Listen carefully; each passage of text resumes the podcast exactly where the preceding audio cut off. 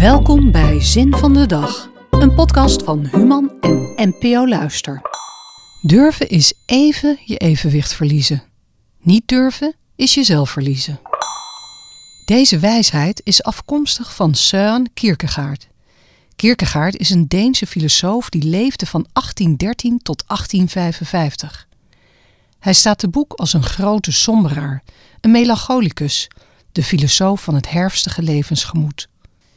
En hij deed met zijn achternaam zijn melancholische filosofie eer aan, want Kierkegaard, Kierkegaard, betekent in het Deens kerkhof.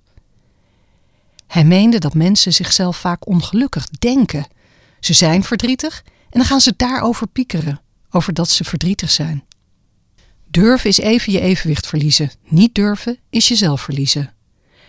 Eigenlijk is het wel grappig dat juist Kierkegaard met deze wijsheid kwam, want zelf durfde hij maar weinig.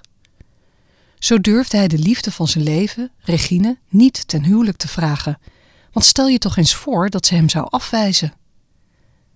Maar misschien is het juist daarom dat hij anderen aanmoedigde de sprong te wagen, ook wanneer dat eng is. Het kan een afwijzing betekenen, misschien zelfs een teleurstelling. En ja, het is spannend. Vooral als je dingen nog nooit eerder hebt gedaan. Zoals van de hoge duikplank springen of zeggen dat je verliefd bent op iemand. Je stelt jezelf kwetsbaar op en loopt een risico. In de Deen staat er trouwens niet durven, maar woven. En dat betekent wagen. Dat is nog iets zwaarwichtiger dan durven.